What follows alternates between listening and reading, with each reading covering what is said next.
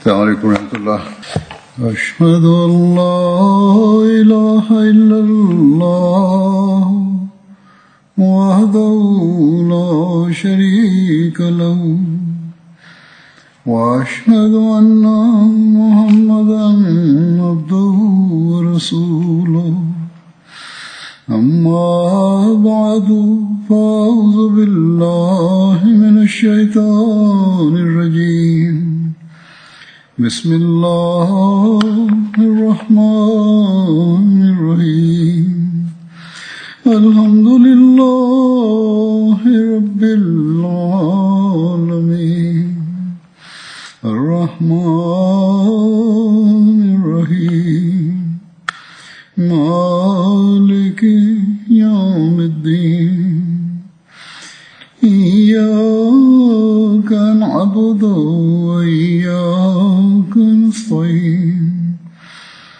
اهدنا الصراط المستقيم.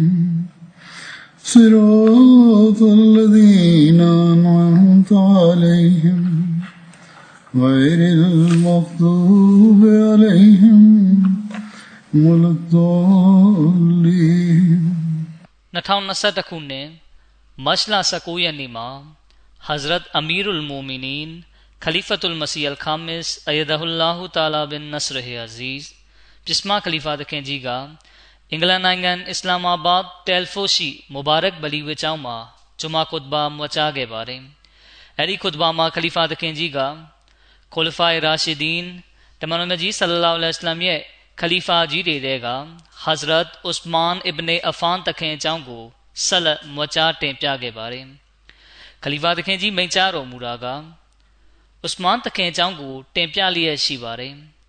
သခင်ကြီးမိန့်ကြားတော်မူတာကဥစမန်တခင်အကြောင်းကိုတင်ပြလျက်ရှိပါတယ်။တခင်ရှဟီပြုတပ်ဖြတ်ခံရပုံအကြောင်းအဲဒီနောက်ပိုင်းမှာပေါ်ပေါက်လာတဲ့ဖြစ်စဉ်တွေအကြောင်းစတာတွေကိုတင်ပြနေခဲ့ပါတယ်။ဥစမန်တခင်ရှဟီပြုတပ်ဖြတ်ခံရပြီးနောက်မှာပေါ်ပေါက်လာတဲ့ဖြစ်စဉ်ဖြစ်ရတွေအကြောင်းကိုမွတ်စလင်မာဦးရဒီအလာဟူအနုတခင်ကလည်းအချင်းချုပ်ရေးသားတင်ပြထားပါတယ်။အဲ့ဒါကိုတင်ပြပါမယ်။မွတ်စလင်မာဦးရဒီအလာဟူအနုတခင်ကရေးသားပါတယ်။မဒီနာမြို့သည်တပုံတို့၏လက်ထဲသို့ကျရောက်သွားလေပြီ။ ထိုစဉ်ကာလတွင်တပုံတို့လှုပ်ဆောင်ခဲ့သည့်လှုပ်ဆောင်ခြင်းများမှာအလွန်အံ့ဩတုန်လှုပ်ဖွယ်ပင်ဖြစ်သည်။သူတို့ကဥစမန်တခင်ကိုရှဟီပြုတပ်ဖြတ်လိုက်ကြပြီးဒိုးတိုင်အောင်တခင်ရုပ်လောင်းကိုမြေမြုပ်တကြိုရေးကိစ္စကိုပင် တားဆီးပိတ်ပင်ကြလေသည်။ထို့ကြောင့်သုံးရက်တိုင်တခင်ကိုတကြိုချင်းမပြုတ်နိုင်ဘဲရှိခဲ့သည်။နောက်ဆုံးတာဝကတော်အုပ်စုတစ်ခုကညစ်အချိန်တွင်ရဲရင်စွာဖြင့်တခင်ရုပ်လောင်းကိုမြုပ်နှံခဲ့ရသည် ထိုတာဝကတော်များတွားရလမ်းတွင်လည်းတပုံတို့ကတားဆီးပိတ်ပင်၍အနောက်ရှက်ပေးကြသောအခါတချို့ပုဂ္ဂိုလ်တွေကတပုံတို့ကို ပြင်းထန်စွာတိုက်ခိုက်မည်ဟုချိန်ချောက်ပြောဆိုမှသူတို့ငြိမ်သွားကြသည်ဥစမန်တခင်နဲ့ဆလင်ဘီတမန်တော်မြတ်ဆလလောလဟ်အလัยဟ်ကကြိုတင်ဟောကိန်းတွေထုတ်ခဲ့ပါတယ်အဲ့ဒီအကြောင်းကိုတမိုင်းဆင့်ပြန်ချက်တွေမှာဖော်ပြထားပါတယ်အဘူမူဆာအရှအရီတခင်ကဆင့်ပြန်ပါတယ်တမန်တော်မြတ်ဆလလောလဟ်အလัยဟ်ကဥယျင်တစ်ခုတည်းသို့ ဝင်သွားခဲ့သည်ကျွန်ုပ်အားဥယျင်မုတ်ဦးတွင်စောင့်ကြက်နေဖို့အမိန်ပေး၏ထိုစဉ်လူတဦးရောက်လာပြီးဥယျင်ထဲဝင်ဖို့ခွင့်တောင်းလေသည်ကိုတော်ကကျွန်ုပ်အားသူ့ကိုအထဲဝင်ခွင့်ပြုလိုက်ပါသူ့ကိုကျွန်ုပ်တို့ဝင်ရောက်ရမည့်အကြောင်းတရင်ကောင်းပေးလိုက်ပါဟုမိန့်တော်မူလေသည်ထိုသူမှာအဘူဘကာတခင်ဖြစ်သည်ထို့နောက်လူတစ်ယောက်ထပ်ရောက်လာပြန်သည်ကိုတော်ကကျွန်ုပ်အားသူ့ကိုအထဲဝင်ခွင့်ပြုလိုက်ပါ သူကိုဂျနတ်သို့ဝင်ရောက်ရမည့်အကြောင်းသတင်းကောင်းပေးလိုက်ပါဟုမိန့်တော်မူပြန်သည်ထိုသူမှာအိုမာတခင်ဖြစ်သည်ထိုသည့်နောက်လူတစ်ယောက်ထပ်ရောက်လာပြန်သည် သူကလည်းဥယျာဉ်ထဲဝင်ဖို့ခွင့်တောင်းလေ၏ထိုအခါကိုတော်ကခဏကြာထိနှုတ်ဆက်နေလေသည် ထိုသည့်နောက်တွင်ကိုတော်ကကျွန်ုပ်အားသူကိုအထက်ဝင်ခွင့်ပြုလိုက်ပါသူကိုဂျနတ်သို့ဝင်ရောက်ရမည့်အကြောင်းသတင်းကောင်းပေးလိုက်ပါတစ်ချိန်တွင် သူသည်အလွန်ကြီးမားသောအခက်ခဲဒုက္ခတစ်ခုနှင့် ရင်ဆိုင်ရလိမ့်မည်ဟုမိန့်တော်မူလေသည်ထိုသူမှာဥစမန်ဘင်အဖန်တခင်ဖြစ်သည်အနတ်ဘင်မာလစ်တခင်ကဆင့်ပြန်ပါတယ်တမန်တော်မြတ်ဆလလောလဟ်အလိုင်းဝါဆလမ်ကအဟူတောင်ပေါ်သို့တက်သွားတော်မူသည်ကိုရောနှင့်အဘူဘကာတခင်အိုမာတခင်နှင့်ဥစမန်တခင်တို့လည်းပါဝင်ကြသည်ထိုစဉ်အဟူတောင်ကလှုပ်ခါလေသည်ကိုရောမြတ်ဆလလောလဟ်အလိုင်းဝါဆလမ်ကအဟူရက်လိုက်ပါဟုမိန့်တော်မူ၏ ကျွန်ုပ်အထင်ထိုသို့မိန်ကြားစဉ်ကိုရောကတောင်ကိုခြေဖြစ်လဲပေါက်လိုက်သည် ထိုသည့်နောက်ကိုရောမြတ်ကအိုးအဟုဒ်အသင်ပေါ်တွင်တမန်တော်တစ်ပါးစစ်ဒီကဖြောက်မှတ်သူတစ်ပါးရှဟီဒ်သာသနာအာဇာနီနှစ်ပါးသာရှိပါသည်ဟုမိန့်ကြားတော်မူလေသည်အစ်ဘနဥမာတခင်ကဆင့်ပြန်ပါတယ်တမန်တော်မြတ်ဆလလောလဟ်အလัยဟိဝါစလမ်ကပြဿနာရဲ့တစ်ခုအကြောင်းကိုဖော်ပြလျက်မိန့်ကြားသည်မှာထိုသူသည်ပြဿနာရဲ့ကြီးပေါ်ပေါက်ချိန်တွင် မတရားညှဉ်းပန်းနှိပ်စက်ခံရသည့်အခြေအနေဖြင့်အသက်ခံရလိမ့်မည်ဟု၏ယင်ကိုကိုရောမြတ်ကဥစမန်တခင်ဘတ်သို့ရည်ညွှန်းလျက်မိန့်ကြားတော်မူခြင်းဖြစ်၏ဥစမန်တခင်ထားရစ်ခဲ့တဲ့အမွေပစ္စည်းတွေနဲ့ပတ်သက်ပြီးတမိုင်းဆင့်ပြန်ချက်တွေမှာလာရှိပါတယ်။အိုဘိုင်ဒူလာဘင်အဗ်ဒူလာဘင်ဥတဘာကဆင့်ပြန်ပါတယ်။ဥစမန်တခင်ရှိတ်ပြုတပ်ဖြတ်ခံရသည့်နေ့တွင်၃ကလေး၅သိန်းဒရဟန်ငွေနှင့်တသိန်းခွဲဒီနာငွေကြံ့ရစ်ခဲ့သည်။ ထိုငွေအားလုံးဒုရခံလိုက်ရသည်။ထိုပြင်တခင်ကနဗဇာအရက်တွင် ကလုတ်အကောင်ကြီးတထောင်ကိုလည်းထားရစ်ခဲ့သည်။ခိုင်ဘာနှင့်ကူရာလွင်ပြင်အရက်တွင်လည်းတခင်ကစဒကာအလူဖြစ်ပေးလေးရှိသောဒီနာငွေနှစ်သိန်းကျန်ရစ်သည်ဥစမန်တခင်ကကျွန်ုပ်သည်ယခင်ကချမ်းသာကြွယ်ဝသူဖြစ်သည်တို့ရာတွင်ယခုမူကျွန်ုပ်ထံတွင်ကလုတ်နှစ်ကောင်သာရှိပြီး ယင်းကိုဟတ်ပြုရာတွင်အသုံးပြုရန်အတွက်သာခြံထားခြင်းဖြစ်သည်ဆိုပြီးမိန့်ကြားခဲ့ပါတယ်အဲ့ဒီအကြောင်းကိုလည်းကျွန်တော်တင်ပြပြီးဖြစ်ပါတယ်ဒီတော့တခင်ကွယ်လွန်ပြီးနောက်ကြံရစ်ခဲ့တဲ့ငွေကြေးတွေနဲ့ဥစ္စာပစ္စည်းတွေဆိုတာကအမျိုးသားတို့ပိုင်ငွေကြေးတွေဖြစ်နိုင်ပြီးအဲ့ဒါကိုဆင့်ပြန်သူကဥစမန်တခင်ထားရခဲ့သောအမွေပစ္စည်းများဖြစ်တခင်ဘတ်သို့ရည်ညွှန်းပြောဆိုတာဖြစ်နိုင်ပါတယ်။ဒါမှမဟုတ်ဒီပစ္စည်းတွေကဥစမန်တခင်ပိုင်တဲ့ပစ္စည်းဥစ္စာတွေဖြစ်ပေမဲ့ ဒါတွေကိုတခင်ကမိမိတို့သုံးဆွဲခြင်းမရှိဘဲစတကာအလူဒါနနဲ့အမျိုးသားအကျိုးစီးပွားအတွက်အသုံးပြုသွားခြင်းလည်းဖြစ်နိုင်ပါတယ်။မိတို့ဆိုစေ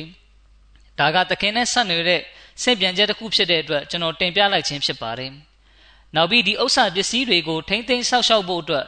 အဆောင်ချက်တွေခန့်အပ်ထားတာကိုကြည်ချင်းအဖြစ်ဒီပစ္စည်းဥစ္စာတွေကအမျိုးသားတို့နဲ့ဆိုင်တဲ့ဥစ္စာပစ္စည်းတွေဆိုတာသိနိုင်ပါတယ်။ ဥစမန်တခင်ရှိတ်ပြူတပ်ဖြတ်ခံရခြင်းအကြောင်းကိုတာဝကတော်တွေကလည်းဆင့်ပြန်ထားပါတယ်။အဲ့ဒီဆင့်ပြန်ချက်တွေကိုတင်ပြပါမယ်။ဆင့်ပြန်ချက်လာရှိပါတယ်။အလီတခင်ကိုလူတစ်ယောက်ကဥစမန်တခင်တပ်ဖြတ်ခံရခြင်းအကြောင်းကိုပြောပြပါဟုပြောလေသည်။အလီသခင်ကမိန့်ကြားသည်မှာဥစမန်သခင်သည်ကောင်းကင်ယံ၌လည်းဇွန်နူရိုင်းအလင်းနှစ်ခုပိုင်ရှင်ဖြစ်တတ်မှတ်ခြင်းခံရသောပုဂ္ဂိုလ်ဖြစ်သည် ထို့ပြင်သခင်သည်ငါတို့အားလုံးနှင့်အားလုံးထက်ပို၍တင့်တင့်ပြေငင်းရေးကို ရှေးရှုသောပုဂ္ဂိုလ်ဖြစ်သည်အိုင်ရှာသခင်မကဥစမန်သခင်ရှိတ်ပြုတပ်ဖြတ်ခံလိုက်ရသည့်အကြောင်းသတင်းရရှိသောအခါသခင်မကတပုံတွေကဥစမန်သခင်ကိုတပ်ဖြတ်လိုက်ကြပြီအမှန်အဖြစ်သခင်သည်အားလုံးထက်ပိုပြီးတင့်တင့်ပြေငင်းရေးကို ရှေးရှုသောပုဂ္ဂိုလ်ဖန်ဆင်းရှင်အလရှမြတ်အားတကွာကြောက်ရွံ့ယိုကျိုးခြင်းအရှိဆုံးပုဂ္ဂိုလ်ဖြစ်သည်ဟုမိန့်ကြားလေသည် တမန်တော်မြတ်ဆလလောလဟ်အလัยဟိဝါစလမ်ကမိမိရဲ့တမတ်တော်တွေအတွက်ဒဝါဆူတောင်းခဲ့ပါတယ်အဲ့ဒီအကြောင်းကိုဆင့်ပြန်ချက်တစ်ခုမှာတွေ့ရှိရပါတယ်အလ်အစ္စတီအာဘ်ကျမ်းမှာရေးသားထားပါတယ်တမန်တော်မြတ်ဆလလောလဟ်အလัยဟိဝါစလမ်ကမိန့်ကြားတော်မူ၏ငါကိုယ်တော်သည်တကိုယ်တော်အနန္တကိုပိုင်ဆိုင်တော်မူသောဖန်ဆင်းမွေးမြူရှင်ထံတွင်ဤသို့ဆူတောင်းမှုပြု၏အိုးအရှင်အရှင်မြတ်သည်ကျွန်တော်မျိုးနှင့်တမတ်တော်ဆက်သူမှန်သမျှကိုမိတဲ့သို့ထဲ့သွင်းခြင်းမပြုပါနှင့် သို့မဟုတ်ကျွန်တော်မျိုးကိုတမတ်ဖြစ်ရရှိထားသော ထိုပုဂ္ဂိုလ်တို့ကိုလည်းမိတဲ့သို့မထဲ့သွင်းပါနှင့်ဥစမန်တခင်ဝစ်စင်တက်တဲ့အဝိစားတွင်ပြင်းတဲ့ခန္ဓာကိုယ်ပုံပန်းတရံနဲ့ပတ်သက်ပြီးဆင့်ပြန်ချက်လာရှိပါတယ်မဟမူဒ်ဘင်လဘီဒ်ကဆင့်ပြန်ပါတယ်ကျွန်ုပ်ဒီဥစမန်တခင်ကိုမြဲတကောင်အားစီးနှင်းလာသည်ကို တွေ့ရသည်တခင်ခန္ဓာကိုယ်ပေါ်တွင်အဝါရောင်တန်ဖိုးကြီးခြုံတဲ့နှစ်ခုရှိသည်ဟကမ်ဘင်ဆတ်ကဆင့်ပြန်ပါတယ် ကျွန်ုပ်၏ဖခင်ကကျွန်ုပ်အားပြောပြ၏ဖခင်ကဥစမန်တခင်မိကုန်းမိတ်ချွေနေသည်ကိုတွေ့သည်တခင်ကိုပေါ်တွင် အနက်ရောင်ခြုံတဲ့ကိုဝစ်ဆင်ထားသည်တခင်ကမုတ်စိတ်ကိုဒန်းဆိုးထားသည်ဆိုလိုင်းဘင်အာမီရ်ကဆင့်ပြန်ပါတယ်ကျွန်ုပ်သည်ဥစမန်တခင်၏ကိုပေါ်တွင်ရီမင်ပြီလို့ခြုံတဲ့တစ်ခုခြုံထားသည်ကို တွေ့ခဲ့ရသည်ထိုခြုံတဲ့ဤတန်ဖိုးမှာဒရဟန်ငွေ100ဖြစ်သည်မုဟမ္မဒ်ဘင်ဥမာကဆင့်ပြန်ပါတယ် ကျွန်ုပ်သည်အမရ်ဘင်အဗ်ဒူလာဥရဝါဘင်ခါလစ်အဗ်ဒူရဟ်မန်ဘင်အဘူစီနာတ်စာဒူရိုထံမှဥစမန်တခင်၏မျက်နာတွင်ပြင်ကိုခန္ဓာပုံပန်းတရံအကြောင်းကိုမေးမြန်းမှုသည်သူတို့အားလုံး၏ပြောဆိုချက်မှာကွဲလွဲမှုမရှိဘဲတူညီကြပါသည်သူတို့ကပြောပြကြသည်မှာတခင်အရက်ကမနှိမ်လွန်းမမြင်လွန်းသောအရက်ဖြစ်သည်တခင်မျက်နာကလှပသည်အသားရည်မှနူးညံ့သည်မုတ်စိတ်ကနတ်မောင်ပြီးရှည်လျားသည် အသားရည်ကဂျုံကဲ့သို့ဖြူသည်ပခုံးကကျဲပြန့်ကြစ်လစ်ပြီးကြောရိုးရှည်သည်သပင်ကနတ်မောင်သည်တခင်ကမုတ်စိတ်ကိုဒန်းဆိုးလေးရှိသည်ဝါကစ်ဘင်အဘူယာဆာကဥစမန်တခင်ကမိမိတွားများကိုရွှေကြိုးများဖြင့်ချီနှောင်ထားကြောင်းဆင့်ပြန်ပါသည်မူဆာဘင်တလဟာကဥစမန်တခင်သည်တောက်ချာနေ့တွင် အပြင်သို့ထွက်လာသောအခါတခင်ကိုပေါ်တွင်အဝါရောင်တံမိုးကြီးခြုံတဲနှစ်ခုရှိသည်ကိုတွေ့ရသည် ထို့နောက်တခင်ကဆင်မြင့်ပေါ်သို့တက်သောအခါမော်ဇင်ကအာဇမ်ဆို၏မော်ဇင်ကအာဇမ်ဆိုလို့ပြီးသွားသောအခါလက်ကင်တုပ်ကိုအမိတွယ်ယူလျက်ဥစမန်တခင်ကမတ်တက်ရပြီးလက်ကင်တုပ်ကိုကန်၍ခုတဘာမိတ်ကွန်းမိတ်ချွေလေသည်ထိုသည့်နောက်သခင်ကနမတ်ဝပြုရန်စင်မြင့်ထက်မှဆင်းလာသောအခါမော်ဇင်ကအီကာမတ်ဆိုလေသည်ဟာဆန်သခင်ကဆင့်ပြန်ပါတယ်ကျွန်ုပ်ဒီဗလီဝကျောင်းတွင်ဥစမန်သခင်အားမိမိခြုံတဲ့ကိုခေါင်းအောင်ဖြစ်ပြုလုပ်လျက် အိတ်ဆက်အနာယူနေသည်ကို တွေ့ဘူးသည်မူဆာဘင်တလဟာကဆင့်ပြန်ပါတယ်တောက်ချာနေ့တွင်ဥစမန်သခင်ကလက်ကင်တုပ်တစ်ချောင်းကိုအမိတွယ်ပြုထားသည်သခင်ကလူအားလုံးထက်အစင်းလှသူဖြစ်သည်သခင်ကိုပေါ်တွင် အဝါရောင်အစင်းရှိသောတံမိုးကြီးခြုံတဲနှစ်ခုရှိသည်ထိုသည့်နောက်သခင်ကစင်မြင့်ပေါ်သို့တက်ပြီးထိုင်လိုက်သည်တမန်တော်မြတ်ဆလာစလမ်ထံမှာလက်စွပ်တကွင်းရှိပြီးအဲ့ဒီလက်စွပ်မှာမုဟမ္မဒ်ရဆူလလာလို့ရေးထွင်းထားပါတယ် အဲ့ဒီလက်စွပ်ကိုတမန်တော်မြတ်ဆလာစလမ်ကပုံမှန်သုံးဆွဲလေးရှိပါတယ်အဲ့ဒီအကြောင်းနဲ့ပတ်သက်ပြီးဆင့်ပြန်ချက်လာရှိပါတယ်အနတ်ဘင်မာလစ်တခင်ကဆင့်ပြန်ပါတယ်တမန်တော်မြတ်ဆလာစလမ်ကယောမဘယင်ထံသို့စာကျွန်လွှာပေးပို့ရန်ရည်ရွယ်တော်မူသောအခါတချို့ပုဂ္ဂိုလ်များကကိုရောအားစာကျွန်လွှာတွင်တစိ့ခတ်နိုင်ခြင်းမရှိလျင်ကိုရောဤစာကိုဘယင်ကဖတ်မိမဟုတ်ပါဟုလျှောက်ထားကြသည်ထိုအခါကိုရောမြတ်ကငွေလက်စွပ်တကွင်းကိုလှုပ်စေ၏ ထိုလက်စွပ်ပေါ်တွင်မုဟမ္မဒ်ရဆူလလာဟူသောစာသားကိုရေးထွင်းစေသည်ယခုတိုင်ကျွန်ုပ်အနတ်သည်ကိုရောဤလက်တွင်ဝစ်စင်ထားသောထိုလက်စွပ်၏ငွေရောင်ဝင်းပပြောင်လက်မှုကိုမြင်အောင်နေစေဖြစ်သည်ထိုလက်စွပ်ကိုကိုရောမြတ်ကမိမိအသက်ရှင်ခြင်းတစ်လျှောက်လုံးတွင်ဆင်မြန်းထားခဲ့သည်ကိုရောမြတ်နောက်တွင်ထိုလက်စွပ်ကိုအဘူဘကာတခင်ကဝစ်ဆင်ခဲ့သည်အဘူဘကာတခင်၏နောက်တွင်ထိုလက်စွပ်ကိုဥမာတခင်ကဝစ်ဆင်ခဲ့သည်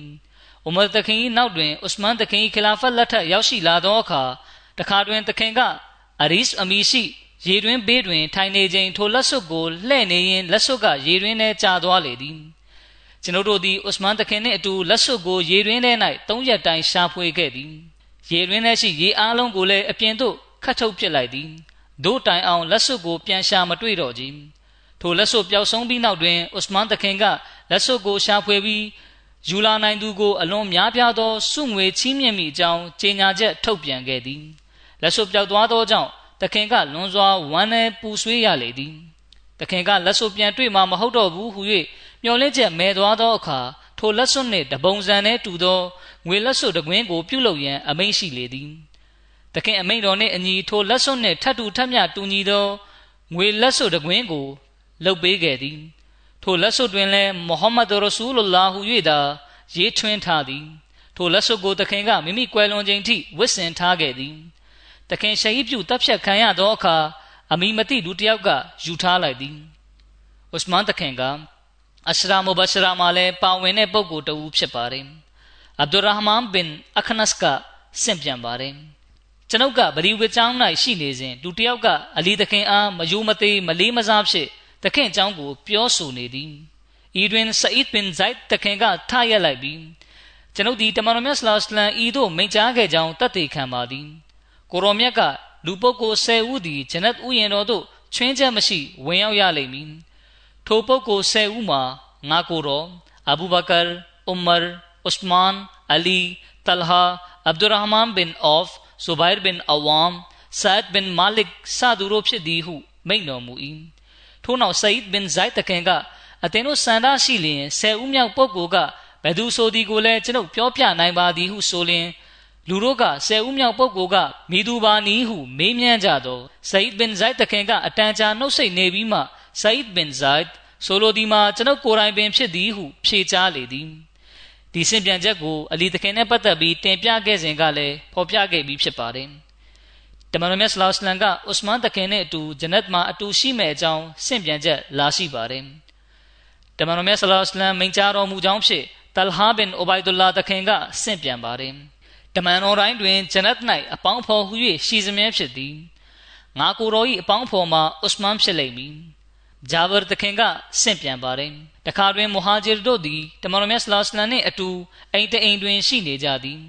ထိုမူဟာဂျီရ်များနှင့်အဘူဘကာ အူမာဥစမန်အလီတလဟာဇူဘိုင်အဗ်ဒူရဟ်မန်ဘင်အော့ဖ်နဲ့ဆာဒ်ဘင်အဘီဝကာစ်စတို့တို့လည်းပါဝင်သည်ထိုစဉ်တမန်တော်မြတ်ဆလ္လာလဟ်အလัยဟိကအားလုံးမိမိတို့၏အပေါင်းဖော်များနှင့်အတူမတ်တရကြကုန်ဟုမိန့်တော်မူ၏ကိုရောမြတ်ကဥစမန်တခင်နှင့်အတူမတ်တရလေသည်ထို့နောက်ကိုရောမြတ်ကဥစမန်တခင်အားအန်တာဝလီဖစ်ဒုနီယာဝါဝလီဖီလ်အာခီရာအသင်သည်လောကတွင်လည်းငါကိုရော၏အပေါင်းဖော်ဖြစ်ပြီး တမလွန်တွင်လည်းငါကိုရော၏အပေါင်းဖော်ဖြစ်လိမ့်မည်ဟုမိန့်တော်မူလေသည်ဥစမန်တခင်ကလွတ်လပ်ခွင့်ပေးလိုက်တဲ့ခြေကျွန်အဘူဆာဟလာကဆင့်ပြန်ပါတယ်ယောင်မုဒ်ဒါတဘုံတို့ကဥစမန်တခင်၏အိမ်ကိုဝိုင်းရန်ပိတ်ဆို့ပြီးတခင်အားရှိတ်တူသည့်နေ့တွင်ဥစမန်တခင်အားအိုးတဝင်ယုံကြည်သူတို့၏ခေါင်းဆောင်တဘုံတို့အားတိုက်ခိုက်ပါဟုလျှောက်ထား၏အဗ္ဒူလာတခင်ကလည်းဥစမန်တခင်အားထိုနည်းတူလျှောက်ထား၏ ဥစမန်တခင်ကအလာအားကျိန်ဆိုပြီးပြောပါသည်ကျွန်ုပ်ဒီတိုက်ခိုက်မည်မဟုတ်ပါတမန်တော်မြတ်ဆလ္လာလဟ်ကထိုเจ้าနှင့်ဆက်လင်းပြီးကျွန်ုပ်အားဂရိပြုခဲ့ပြီးဖြစ်သည်ထို့ကြောင့်ထိုဂရိပြုချက်ပြင်းမြောက်မိကိုသာကျွန်ုပ်လိုလားပါသည်ဟုမိန့်ကြားလေသည်ဥစမန်တခင်ကဘဒစစ်ပွဲမှာလိုက်ပါခဲ့ခြင်းမရှိဘဲနောက်ချန်နေရခဲ့ရခြင်းအဟုတ်စစ်ပွဲ၌အခြေအနေဆိုးရွားနေခိုက်ထွက်ပြေးတိမ်းရှောင်သွားကြသူများနဲ့တခင်လည်းပါဝင်ခဲ့ခြင်း ဘိုင်ဒရစ်ဝမ်၌မပါဝင်ခဲ့ခြင်းစတဲ့အကြောင်းတွေနဲ့ပတ်သက်ပြီးတခင်ပေါ်ဆွဆွဲပြစ်တင်မှုတွေပြုလုပ်ကြပါတယ်မွနာဖစ်ယုံကြည်ဟန်ဆောင်သူတွေကဒီအချက်တွေကိုထောက်ပြပြီးတခင်ပေါ်ဆွဆွဲပြစ်တင်မှုတွေပြုလုပ်ခဲ့ကြပါတယ်ဥစမန်ဘင်မူဘတ်ကဆင့်ပြန်ပါတယ်အီဂျစ်သားတဦးကဟတ်လုပ်ရန်လာရောက်ရာသူကလူချုပ်ထိုင်နေကြသည်ကို တွေ့လေသည်ထိုအခါသူကလူတယောက်ကိုသူတို့ကဘယ်သူတွေလဲဟုမေးလင်ထိုသူကကိုရိုက်အမျိုးသားများဖြစ်သည်ဟုဖြေလေသည် ထိုအီဂျစ်သားကဆက်ပြီးသူတို့တဲကအဖိုးအိုကဘယ်သူလဲဟုမေးလင်ထိုလူကအဗ္ဒူလာဘင်အူမာဖြစ်သည်ဟုဖြေလေသည်ထို့နောက်အီဂျစ်သားကအိုအစ်ဘ်နေအူမာအသင်ကိုအကြောင်းအရာတစ်ခုနဲ့ပတ်သက်ပြီးမေးလိုပါသည်ဟုတောင်းဆိုပြီးဥစမန်တခင်ကဥဟုဒ်စစ်ပွဲမှာတိုက်ခိုက်နေရင်ထွက်ပြေးသွားခဲ့တာဟုတ်မှန်သလားဟုမေးရာအဗ္ဒူလာတခင်ကဟုတ်တယ်ဟုဖြေအီဂျစ်သားကဘဒရ်စစ်ပွဲမှာလည်း အီဂျစ်သားကဘဒရ်စစ်ပွဲမှာလည်းသူမပါခဲ့ဘူးဆိုတာမှန်သလားဟုမေးလင်အဗ္ဒူလာတခင်ကဟုတ်တယ်ဟုဖြေအီဂျစ်သားကဘိုင်ဒိုရစ်ဝမ်မှာလည်းမပါခဲ့ဘူးမဟုတ်လားဟုမေးလင်အဗ္ဒူလာတခင်ကဟုတ်တယ်ဟုဖြေထိုသည့်နောက်ထိုအီဂျစ်သားကအန်အောဟန်ဖြင့်အလ္လာဟူအက်ဘာဟုရွတ်ဆိုလိုက်လေသည်ထိုအခါအဗ္ဒူလာဘင်ဥမာတခင်ကအီဂျစ်သားကိုအသင်ဒီနာလာအောင်လို့ခေါ်ပြီးအသင်ကစောရကတက်ဝေပန်သည့်သဘောဖြစ်တော့မေးသွားသည် ထိုဖြစ်ရများ၏နောက်ွယ်ကအခြေအနေမှန်ကိုအသင်အားကျွန်ုပ်ပြောပြမည်ဟုဆိုလေသည်ထို့နောက်အဗ္ဒူလာဘင်ဥမာတခင်ကထိုအီဂျစ်သားကိုဤသို့ရှင်းပြလေသည်အဟုတ်စစ်ပွဲမှာဥစမန်တခင်ကထွက်ပြေးသွားရခြင်းအကြောင်းနဲ့ပတ်သက်ပြီးပြောရလင်ထိုကိစ္စအတွက်အလရှမြတ်ကတခင်အားခွင့်လွှတ်ပြီးဖြစ်ကြောင်းကျွန်ုပ်တသက်ခံပြီးပြောလိုသည်။အိုးစစ်ပွဲမှာတော့ကတမန်တော်မြတ်ဆလောစလမ်ကွယ်လွန်ပြီးဆိုတဲ့မှန်မှန်တရင်ပြန်သွားခဲ့တာကြောင့် တိုက်ပွဲဝင်နေတဲ့မွတ်စလင်အတော်များများကကစင့်ကလေးအားဖြစ်ပြီးစိတ်သက်ကြလျက်ထွက်ပြေးသွားကြခြင်းဖြစ်တယ်။အဲ့ဒါကအရေးပေါ်အခြေအနေဖြစ်တဲ့အခိုက်အတန့်မှာဖြစ်ပွားခဲ့တဲ့ကိစ္စပါပဲ။ဘာသာစစ်ပွဲမှာဥစမန်တခင်မပါဝင်ခဲ့ရခြင်းအကြောင်းမှာတခင်ဇနီးဖြစ်သူတမန်တော်မြတ်ဆလောစလမ်တမီးတော်ကနာမကျမ်းဖြစ်နေသည့်အတွက်တမန်တော်မြတ်ဆလောစလမ်ကိုယ်တိုင်ကတခင်ကိုအသင့်ဇနီးနာမကျမ်းဖြစ်နေတာကြောင့်သူမကိုပြုစုစောင့်ရှောက်ဖို့အသင်သူမအနားမှာပဲနေခဲ့ပါ အဲ့ဒီအတွက်စစ်ပွဲမှာပါဝင်သူကဲ့သို့သောအကျိုးဆုလက်ကိုပင်အသင်ရရှိမည်ဖြစ်ပြီးလက်ရပစ္စည်းကိုလည်းထိုနည်းတူရရှိမည်ဖြစ်သည်ဟုမိန့်ကြားခဲ့သည်ဘိုင်ဒိုရစ်ဝမ်မှာဥစမန်တခင်မပါဝင်ခဲ့ရခြင်းအကြောင်းနဲ့ပတ်သက်ပြီးပြောရလင်မှတ်သားလို့မကာလွင်ပြင်ကြီးတစ်ခုလုံးတွင်ဥစမန်တခင်ထပ်ပိုးပြီးဂုံတိတ်ခါရှိသူအခြားတဦးတယောက်ရှိသေးလျင်တမန်တော်မြတ်ကထိုသူကိုပင်ကာဖာများထံသို့တန်တမန်ဖြစ်ဆေလွတ်ခဲ့မည်ဖြစ်သည် တမန်တော်မြတ်ကဥစမန်တခင်အားမကာသို့တန်တမန်ဖြစ်ဆေလွတ်ခဲ့လေသည်ဘိုင်ဒူရစ်ဝမ်ပြုလုပ်ခြင်းတွင်ဥစမန်တခင်ကမကာသားများထံသို့တွားရောက်နေခြင်းဖြစ်သည်ဘိုင်ဒူရစ်ဝမ်ပြုလုပ်ရာတွင်တမန်တော်မြတ်ဆလလောလ္လဟ်အလัยဟိဝါစလမ်ကမိမိလက်ရာလက်ဖြင့်လက်ဝဲလက်ကိုရည်ညွှန်းလျက်အီဒီမာဥစမန်၏လက်ဖြစ်သည်ဟုမိန့်ကြားပြီးမိမိလက်ဝဲလက်ကိုမိမိလက်ရာလက်ထဲသို့အင်အားဖြင့်ထည့်ပြီးအီဒီမာဥစမန်တို့ဖြစ်သည်ဟုမိန့်ကြားခဲ့သည် အဗ်ဒူလာဘင်ဥမာတခင်ကထို့သို့ရှင်းပြပြီးနောက်ထိုအီဂျစ်သားကိုအခုတော့အသင့်ကိုရှင်းပြပြီးပြီဒီရှင်းပြချက်တွေကိုအသင်မိမိနဲ့အတူယူဆောင်သွားပါဒီကိစ္စတွေကစောရကတက်ဝေဖန်စရာကိစ္စတွေမဟုတ်ပါဟုမိန့်ကြားလေသည်အခုတင်ပြခဲ့တာကဘူခါရီကျမ်းထဲကဆင့်ပြန်ချက်ဖြစ်ပါတယ်တမန်တော်မြတ်ဆလောလမ်တတ်တော်ထင်ရှားရှိစဉ်အခါမှာပဲမစဂျစ်နဘူီကိုချက်ထွင်ခဲ့ပါတယ်အဲ့ဒီမှာလဲဥစမန်တခင်ကအလူဒါနာပြုခွင့်ရရှိခဲ့ပါတယ် အဘူမလီကမိမိဖခင်ထံမှဆင့်ပြန်ပါတယ်တမန်တော်မြတ်ဆလောလမ်ကမစဂျစ်နဘူီကိုချက်ထွင်ဖို့အတွက်မြေအစိပ်ပိုင်းတစ်ခု၏ပိုင်ရှင်အန်ဆာရီတာဝကတော်တစ်ပါးကိုဤမြေအစိပ်ပိုင်းရောင်းသည့်အတွက်အသင်သည်ဂျနတ်၌အိမ်ဆောင်ကိုရရှိပါလိမ့်မည်ဟုမိန့်ကြားတော်မူ၏သို့သောထိုအန်ဆာရီကမိမိမြေကိုမယောင်းနိုင်ကြောင်းဆိုလျက်ညှင်းပယ်လိုက်သည်ထိုစဉ်ဥစမန်တခင်ရောက်ရှိလာပြီးထိုအန်ဆာရီအား ဤမြေအစိပ်ပိုင်းအတွက်အသင်ကိုဒရဟံငွေတထောင်ပေးပါမည်ဟုဆိုရာထိုအန်ဆာရီကသဘောတူသောကြောင့်အယောင်းဝယ်ဖြစ်မြောက်ခဲ့သည်ထို့နောက်ဥစမန်တခင်ကတမန်တော်မြတ်ဆလ္လာလဟ်ထံရောက်ရှိလာပြီးအိုးအလာဟ်တမန်တော်မြတ်ကျွန်တော်မျိုးအန်ဆာရီထံကဝယ်ယူထားသည့်မြေအစိပ်ပိုင်းကိုကိုတော်ကျွန်တော်မျိုးထံမှပြန်ဝယ်နိုင်ပါသည်ဟုလျှောက်ထားရာတမန်တော်မြတ်ကထိုမြေအစိပ်ပိုင်းကိုဥစမန်တခင်ထံမှဂျနတ်တွင်ရရှိမိအိမ်တစ်ဆောင်နှင့်လဲလဲဝယ်ယူခဲ့သည် မူလကတမန်တော်မြတ်ဆလောလမ်ကအန်ဆာရီကိုပြောခဲ့သောစကားဖြစ်တဲ့ဤမြေကိုပေးလျင်ဂျနတ်တွင်အသင်အိမ်တစ်ဆောင်ရလိမ့်မည်ဆိုတာကိုဥစမန်တခင်အားကိုတော်မြတ်ကပြောလျက်မြေအစိပ်ပိုင်းကိုလက်ခံခဲ့ပါတယ်ထို့နောက်ဥစမန်တခင်ကတမန်တော်မြတ်ဆလောလမ်အားကျွန်တော်မျိုးဒီထိုးမြေအစိပ်ပိုင်းကိုဒရဟံငွေတထောင်ဖြင့်ဝယ်ယူခဲ့ခြင်းဖြစ်ပါသည်ဟုလျှောက်ထားလေသည်ထိုသည့်နောက်တွင်တမန်တော်မြတ်ကထိုမြေနေရာတွင်အုတ်ခဲတစ်ခုကိုချသည်ပြီးနောက်ကိုရောက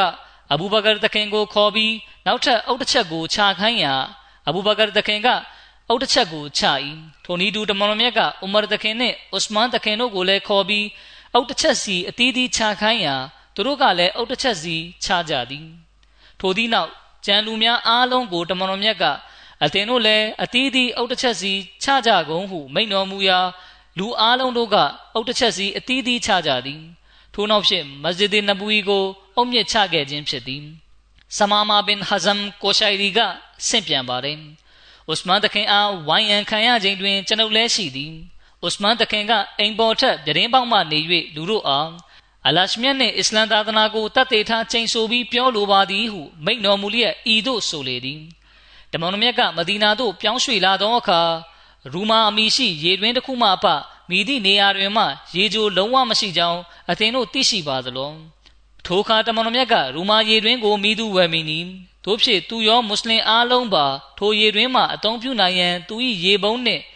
မွတ်စလင်အားလုံး၏ရေပုံးကိုအတူတကွရေတွင်မှခတ်၍အသုံးပြုနိုင်ရန်ဖြစ်သည်ထိုတို့ပြုခြင်းဖြင့်ဂျနတ်တွင်သူ့အတွက်အလွန်ကောင်းမွန်သောအကျိုးဆုလက်ကိုရရှိလိမ့်မည်ဟုမိန့်တော်မူ၏ထို့ကြောင့်ကျွန်ုပ်ကထိုရေတွင်ကိုမိမိကိုယ်ပိုင်ငွေဖြင့်ဝယ်ယူလိုက်ပြီး ကျွန်ုပ်ကိုယ်တိုင်ရောမွတ်စလင်အားလုံးကပါထိုရေတွင်မှရေကိုအတူတကွခတ်ပြီးတောက်သုံးခဲ့ကြသည်တို့ရာတွင်အသင်တို့ကကျွန်ုပ်အားထိုရေတွင်မှရေကိုမတောက်ရင်ကျွန်ုပ်အားပိတ်ပင်နေကြသလိုမတက်တာပဲပင်လေရေကိုတောက်ရင်အသင်တို့အလိုရှိပါသလိုထိုအခါလူတို့ကဥစမန်တခင်ကိုအလာအားကျိန်ဆိုပြီးပြောပါသည်အသင်သည်အမှန်ကိုဆိုခဲ့လေပြီဟု ပြောကြလေသည် ထိုသည့်နောက်တဖန်ဥစမန်တခင်ကလူတို့အားအလာနှင့်အစ္စလမ်ကိုတတ်သိထားပြီးအသင်တို့အားကျွန်ုပ်ပြောလိုပါသည်ကျွန်ုပ်သည်ဂျိုင်ရှေဥစရာတဘုတ်စစ်ပွဲဆင်နွှဲရန်စစ်သည်များအတွက်လိုအပ်ချက်များဖြည့်ဆည်းပေးခြင်းကိုကျွန်ုပ်ကိုယ်ပိုင်ငွေဖြင့်ဖြည့်ဆည်းပေးခဲ့ကြောင်းအသင်တို့သိရှိပါသလောဟုဆိုလေသည်ထိုအခါလူတို့ကအလံအားကျိန်ဆိုပြီးပြောပါသည် ထိုတိုင်းအမှန်ဖြစ်ပါသည်ဟုဝန်ခံထွက်ဆိုကြလေသည်ထို့နောက်ဥစမန်တခင်က ကျွန်ုပ်ဒီအသင်တို့အားအလာနှင့်အစ္စလာမ်ကိုတတ်သိထားကျိန်ဆိုလျက်မေးလိုပါသည်မစဂျစ်နဘူီကနမတ်ပြုသူများအတွက်နေရာချင်းမြောင်းသွားသည်ကိုအသင်တို့သိပါသလောထိုအခါတွင်တမန်တော်မြတ်ကမိသူမဆိုးထိုမိသားစုထံမှမြေအစိပ်ပိုင်းတစ်ခုကိုဝယ်ယူလျက်မစဂျစ်နဘူီထဲတွင်ထဲသွင်းပြီးဆိုလျင်သူသည်ဂျနတ်၌လက်ရှိအခြေအနေထက်များစွာကောင်းမွန်ပေလိမ့်မည်ဟုမိန့်တော်မူရာကျွန်ုပ်ကထိုမြေအစိပ်ပိုင်းတစ်ခုကိုမိမိငွေဖြင့်ဝယ်ယူလျက် မစဂျစ်နဘူဝီထဲတွင်ထဲ့ဝင်ခဲ့သည်ယခုမူအသင်တို့ကထိုမစဂျစ်နဘူဝီ၌နမတ်နရကတ်ဝတ်ပြုဖို့ပင်တားမြစ်နေကြပါသလိုဟုဆိုလေသည် ထိုအခါလူတို့ကမှန်ပါသည် ထိုတိုင်းပင်ဖြစ်ပါသည်ဟုပြောကြလေသည်ထို့နောက်ဥစမန်တခင်ကကျွန်ုပ်ဒီအသင်တို့အားအလာနှင့်အစ္စလာမ်ကိုတတ်သိထားကျိန်ဆိုလျက်မေးလိုပါသည်အသင်တို့သိပါသလားတမန်တော်မြတ်ကမကာရှိဆဘီးအမီရှိ တောင်တစ်ခုပေါ်တွင်ရှိနေစဉ် ကိုရောနှင့်အတူအဘူဘကာတခင်အိုမာတခင်နှင့်ကျွန်ုပ်ဥစမန်တခင်တို့အတူရှိနေခဲ့ကြသည်တောင်ကလှုပ်ခါသောအခါကိုရောမြတ်ကတောင်ကိုဖနှောက်ဖြစ်ပေါက်လျက်အိုးဆဘီးရက်လိုက်ပါအကြောင်းမူအသင့်ပေါ်တွင်တမန်တော်တစ်ပါးစဒစ်တဦးနှင့်ရှဟီဒီနှစ်ဦးတို့မှတစ်ပါးအခြားမိသူများရှိနေသည်မဟုတ်ဟုမိန့်တော်မူ၏ထိုအခါလူတို့ကအလန့်အားကျိန်ဆိုပြီးပြောပါသည်တခင်ပြောသည့်အတိုင်းအမှန်ဖြစ်ပါသည်ဟုပြောကြလေသည် ထိုသည့်နောက်တွင်ဥစမန်တခင်ကအလ္လာဟူအက်ဘာဟုကြွေးကြော်လျက်ကာဘာကျောင်းတော်၏အရှင်သခင်ကိုတတ်သေးထားကျိန်ဆိုပြီးပြောပါသည်ထိုလူတို့သည်ကျွန်ုပ်မှန်ကန်ကြောင်းတတ်သေးခံခဲ့ကြလေပြီဟုမိန့်ကြားလေသည်ဆိုလိုတာကဥစမန်တခင်ကရှဟီဒီအဆင့်ရရှိမဲ့သူဖြစ်တယ်မစဂျစ်နဘူီကိုနောက်ထပ်ချက်ထွင်ရေးလုပ်ငန်းကိုလည်းလှုပ်ဆောင်ခဲ့ပါတယ်အဲဒီလုပ်ငန်းကိုဥစမန်တခင်ရဲ့ခေတ်ကာလမှာဆောင်ရွက်ခဲ့ခြင်းဖြစ်ပါတယ်သူတည်တနာပြုချက်တစ်ခုကိုတင်ပြပါမယ် ရဘီယူအဝလဟီဂျရီတက္ကရာတစ်ခုနှစ်အောက်တိုဘာလ622ခုနှစ်အဆုံးပိုင်းတွင်တမန်တော်မြတ်ဆလောစလမ်ကမိမိလက်တော်အားဖြင့်မစဂျစ်နဘူီကိုအုံမြင့်ချခဲ့သည်အကျယ်ဝန်းက1ကီလိုမီတာခွဲခန့်ရှိသည်ကြောက်ခဲဝိုင်းထားသည့်အုတ်ချက်များအစီအဖြစ်အုံမြင့်ချခဲ့ခြင်းဖြစ်သည် အမိုးကိုတော့မြေအုပ်များပြုလုပ်ပြီးနေပူတဲ့လမ်းက၆တွေ့သွားသောထိုမြေအုပ်များဖြင့်ပြုလုပ်ခဲ့ခြင်းဖြစ်သည် နိုင်ငံများ၏အလျားမှာ15မီတာခန့်ရှည်လျားပြီးအမြင့်မှာ3မီတာခွဲရှိသည်မစဂျစ်နဘူီကိုအစာဆုံးဆောက်လုပ်ပြီးစီးချိန်ကတော့ရှောဝလာဟီဂျရီတက္ကရာတစ်ခုနှစ်ဧပြီလ623ခုနှစ်မှာဖြစ်ပါတယ်ဧပြီလ623ခုနှစ်မှာဖြစ်သည်ခါရဂျာဘင်ဇိုက်ဘင်ဆာဘစ်တခင်ကဆင့်ပြန်ပါတယ်တမန်တော်မြတ်ဆလောလ္လဟ်အလัยဟ်ကမစဂျစ်နဘူီကိုအလျားအတောင်80 35မီတာအမြင့်အတောင်60 30မီတာရှိအောင်တည်ဆောက်ခဲ့သည်တမန်တော်မြတ်ဆလ္လာလက်ထက်မှာမစဂျစ်နဘဝီကို ပထမဆုံးချဲ့ထွင်ခြင်းကဟီဂျရီတက္ကရာ9ခုနှစ်မုဟရမ်လာ628ခုနှစ်ဇွန်လမှာဖြစ်ပေါ်ခဲ့ပါတယ်တမန်တော်မြတ်ကခိုင်ဘာစစ်ပွဲအောင်မြင်ပြီးမဒီနာသို့ပြန်ရောက်လာတဲ့အခါကိုရောမြတ်ကမစဂျစ်နဘဝီကိုချဲ့ထွင်ရေးနဲ့မွန်မန်တိဆောက်ရေးပြုလုပ်ရန်မိန့်တော်မူခဲ့ပါတယ် မစဂျစ်နဘူီကိုချက်ထွင်တဲ့အခါကေပလာမျက်နာမူရာအရက်ကိုတောင်ရက်နဲ့အရှိရက်ကိုတတ်မှတ်တိဆောက်ခြင်းမရှိဘဲအများအဖြစ်မြောက်ဖက်နဲ့အ ਨੇ ချင်းကိုအနောက်ရက်အားဥတီပြီးတိဆောက်ခဲ့ခြင်းဖြစ်ပါတယ်။မြောက်ဖက်မှာတာဝကတော်ချို့ရဲ့နေအိမ်တွေရှိပါတယ်။အဲဒီတာဝကတော်တွေကမိမိတို့အိမ်ကိုဗလီရဲ့အစိပ်ပိုင်းဖြစ်ပေးလူဖို့အတွက်နှောင့်နှေးနေကြပါတယ်။အဲ့ဒီချိန်မှာကျွန်တော်အထက်မှာတင်ပြခဲ့သလိုဥစမန်တခင်ကမိမိရဲ့ကိုပိုင်ငွေနဲ့ တရဟန်ငွေ1000ပေးလျက်အဲ့ဒီအိမ်ကိုဝယ်ယူလိုက်ပြီးတမန်တော်မြတ်ကိုဆက်တခဲ့ပါတယ်ဒီလိုနဲ့ဗလီဝေချောင်းရဲ့မျက်နာမူရရက်ကမြောက်ဖက်နဲ့အနောက်ဘက်သို့ပုံမူဥတီပါတယ်ဗလီဝေချောင်းကိုချက်ထွင်ပြီးနောက်မှာအလျားနန်ကညီမျှသွားခဲ့ပါတယ်ဆိုလိုတာကအလျားက90မီတာနဲ့အနံက90မီတာဖြစ်ပါတယ်။အိုမာတခင်ရဲ့လက်ထက်ဟီဂျရီတက္ကရာ18ခုနှစ်မှာမစဂျစ်နဘူီကိုနောက်တစ်ကြိမ်ထပ်ပြီးချဲ့ထွင်ခဲ့ပါတယ်။ဒီကြောင့်ကိုအဗ်ဒူလာဘင်ဥမာတခင်ကဆင့်ပြန်ထားပါတယ်။ တမန်တော်မြတ်ဆလောလ္လဟ်အလัยဟိလက်ထက်တွင်မစဂျစ်နဘူီကိုခိုင်ခန့်မှုမရှိသောအုံများဖြင့်ဆောက်လုပ်ထားခဲ့သည်။အမိုးကိုစွန်မလွန်ကိုင်းများအရွက်များဖြင့်မိုးထားပြီးထောက်တိုင်များကိုစွန်မလွန်ပင်စီများဖြင့်ပြုလုပ်ထားသည်။အဘူဘကာတခင်လက်ထက်တွင်မစဂျစ်နဘူီကိုထိုတိုင်းပင်ရှိစေခဲ့ပြီးပြောင်းလဲပြင်ဆင်ခြင်းတော်၎င်းချဲ့ထွင်ခြင်းတော်၎င်းမပြုလုပ်ခဲ့ကြ။ဥမာတခင်လက်ထက်တွင်မစဂျစ်နဘူီကိုခိုင်ခန့်စွာအသစ်မွမ်းမံတိဆောက်ခြင်းပြုလုပ်ခဲ့သည် သို့သောမူရင်းရှိသည့်အလျားနှင့်အနံတွင်မြင်ကိုတော့ပြောင်းလဲခြင်းမပြုခဲ့ကြအမိုးကလည်းမူလကအတိုင်းဆွန်မလွန်အရွက်များဖြစ်သာမိုးထားခဲ့သည်ထောက်တိုင်များကိုတော့ဖြုတ်ပြီးအသစ်ပြန်တက်ခဲ့သည်ဥမာတခင်ကဟစ်ဂျရီတက္ကရာ18ခုနှစ်မှာမိမိကိုကွဲမှုအောက်တွင်ပြီးစီးအောင်မွမ်းမံတိဆောက်စေခဲ့သည်ထို့သောပြုပြင်မွမ်းမံပြီးနောက်တွင်အလျားအနံမှာအတိုင်းတာရအတောင်120နှင့်အတောင်140ဖြစ်သွားခဲ့သည် ဒီဆင့်ပြန်ချက်အဖြစ်အဘူဘကာတခင်ရဲ့လက်ထက်မှာမစဂျစ်နဘူီကတမန်တော်မြတ်ဆလောစလန်လက်ထက်ကအတိုင်းတည်ရှိခဲ့ကြောင်းဥမာတခင်လက်ထက်မှာအတော်လေးချက်ထွင်တိဆောက်ခဲ့ကြောင်းသိရပါတယ်ဒီနောက်ဥစမန်တခင်ရဲ့ခလာဖတ်လက်ထက်မှာတော့မစဂျစ်နဘူီကိုထပ်မံချက်ထွင်ခဲ့ပြီးအသစ်ပြန်လဲတိဆောက်တာတွေလည်းလှုပ်ဆောင်ခဲ့ပါတယ်အဲ့ဒါကဟဂျရီတက္ကရာ29ခုနှစ်မှာဖြစ်ပါတယ်ဥစမန်တခင်ကမစဂျစ်နဘူီကိုချဲ့ထွင်ခြင်းနဲ့အသစ်ပြန်လဲတိဆောက်ခြင်းတွေပြုလုပ်တဲ့အခါလှပပြီးခိုင်ခန့်တဲ့ အဆောက်အုံဖြစ်အောင်လုပ်ဖို့အတွက်ကြောက်တုံးတွေကြောက်မြက်တွေနဲ့ကနုတ်တွေကိုအသုံးပြုစီချဲခဲ့ပါတယ်နိုင်ရန်တွေကိုလည်းကြောက်နဲ့ပြုတ်လုခဲ့ပြီးကနုတ်တွေကြောက်မြက်တွေနဲ့စီချဲခဲ့ပြီးဖြူဖွေးတောက်ပြောင်ဖို့အတွက်ထုံးမြေကိုတုတ်လူးခဲ့ပါတယ်အမိုးတွေကိုဖန်သားတွေနဲ့ပြုတ်လုခဲ့ပါတယ်ဟီဂျရီတက္ကရာ24ခုနှစ်မှာဥစမန်တခင်ခလီဖာဖြစ်ရွေးချယ်တင်မြှောက်ခြင်းခံရတဲ့အခါလူတို့ကတခင်အားမစဂျစ်နဘူီကိုချဲ့ထွင်ပါဆိုပြီးပန်ကြားတောင်းဆိုခဲ့ကြပါတယ်။ နောက်ပြီးမြေကွက်လက်ကချင်းမြောင်းနေတယ်လို့ဆိုပါတယ်။အထူးသဖြင့်တောက်ကြနေ့ဂျွမာနမတ်ပြုတဲ့အခါလူဦးရေများပြားတာကြောင့်လူတွေကဗလီဝတ်ကျောင်းရဲ့အပြင်ဘက်ထွက်ပြီးနမတ်ပြုရတာတွေရှိပါတယ်။ဒီလိုကြောင့်ဥစမန်တခင်ကတာဝကတော်တွေနဲ့တိုင်ပင်နှီးနှောပါတယ်။ဒီခါတာဝကတော်တွေအားလုံးတို့ကမူလကဗလီဝေကျောင်းအဆောက်အုံကိုဖြိုချပြီးအသစ်ပြန်လဲတိဆောက်ဖို့ကိုပဲတညီတညွတ်ထဲအဆိုပြုကြပါတယ်။ဒီနေ့မှာဥစမန်တခင်ကဇဟော်နမတ်ပြုပြီးနောက်စင်မြင့်ပေါ်တက်ပြီးမိကွန်းတစ်ခု မွတ်ကြားပါတယ်။တခင်မိန်ကြားတာကချီမွန်ထောက်မနာခြင်းအားလုံးတို့သည်အလရှမြတ်အတွက်သာဖြစ်သည်။ကျွန်ုပ်သည်ဗလီဝေကျောင်းကိုဖြိုချပြီးအသစ်ပြန်လဲတိဆောက်လိုပါသည်။တမန်တော်ဆလ္လာလဟ်အလိုင်းမင်္ဂလာရှိသောနှုတ်ပါဆက်မှမွတ်ကြားသည်ကိုကြားသိခဲ့ရကြောင်းကျွန်ုပ်တတ်သိထွက်ဆိုပါသည်။ကိုရောမြတ်က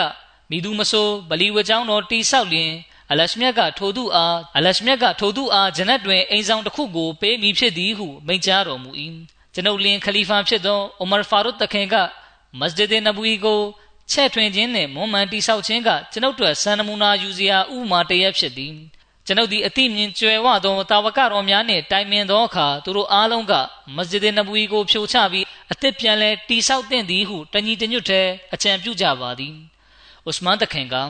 မစဂျစ်နဘူီကိုအသစ်ပြန်လဲတိဆောက်ဖို့အတွက်အကြံပြုတင်ပြပြောဆိုတဲ့အခါ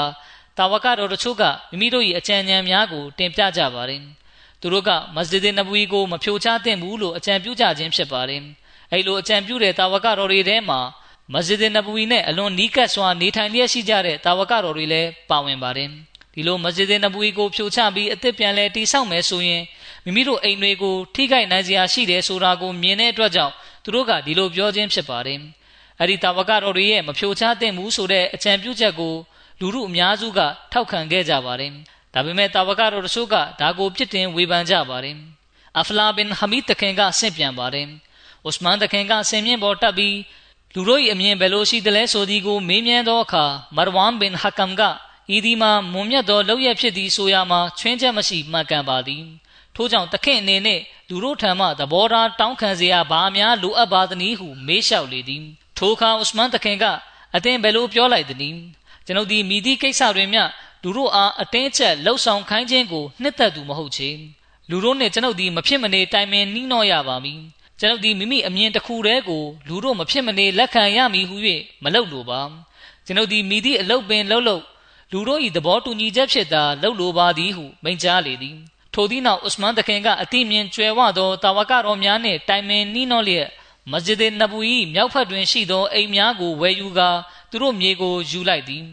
တို့တိုင်အောင်အချို့တာဝကတော်များကမိမိတို့၏အိမ်ကိုမယောင်းလိုကြကြ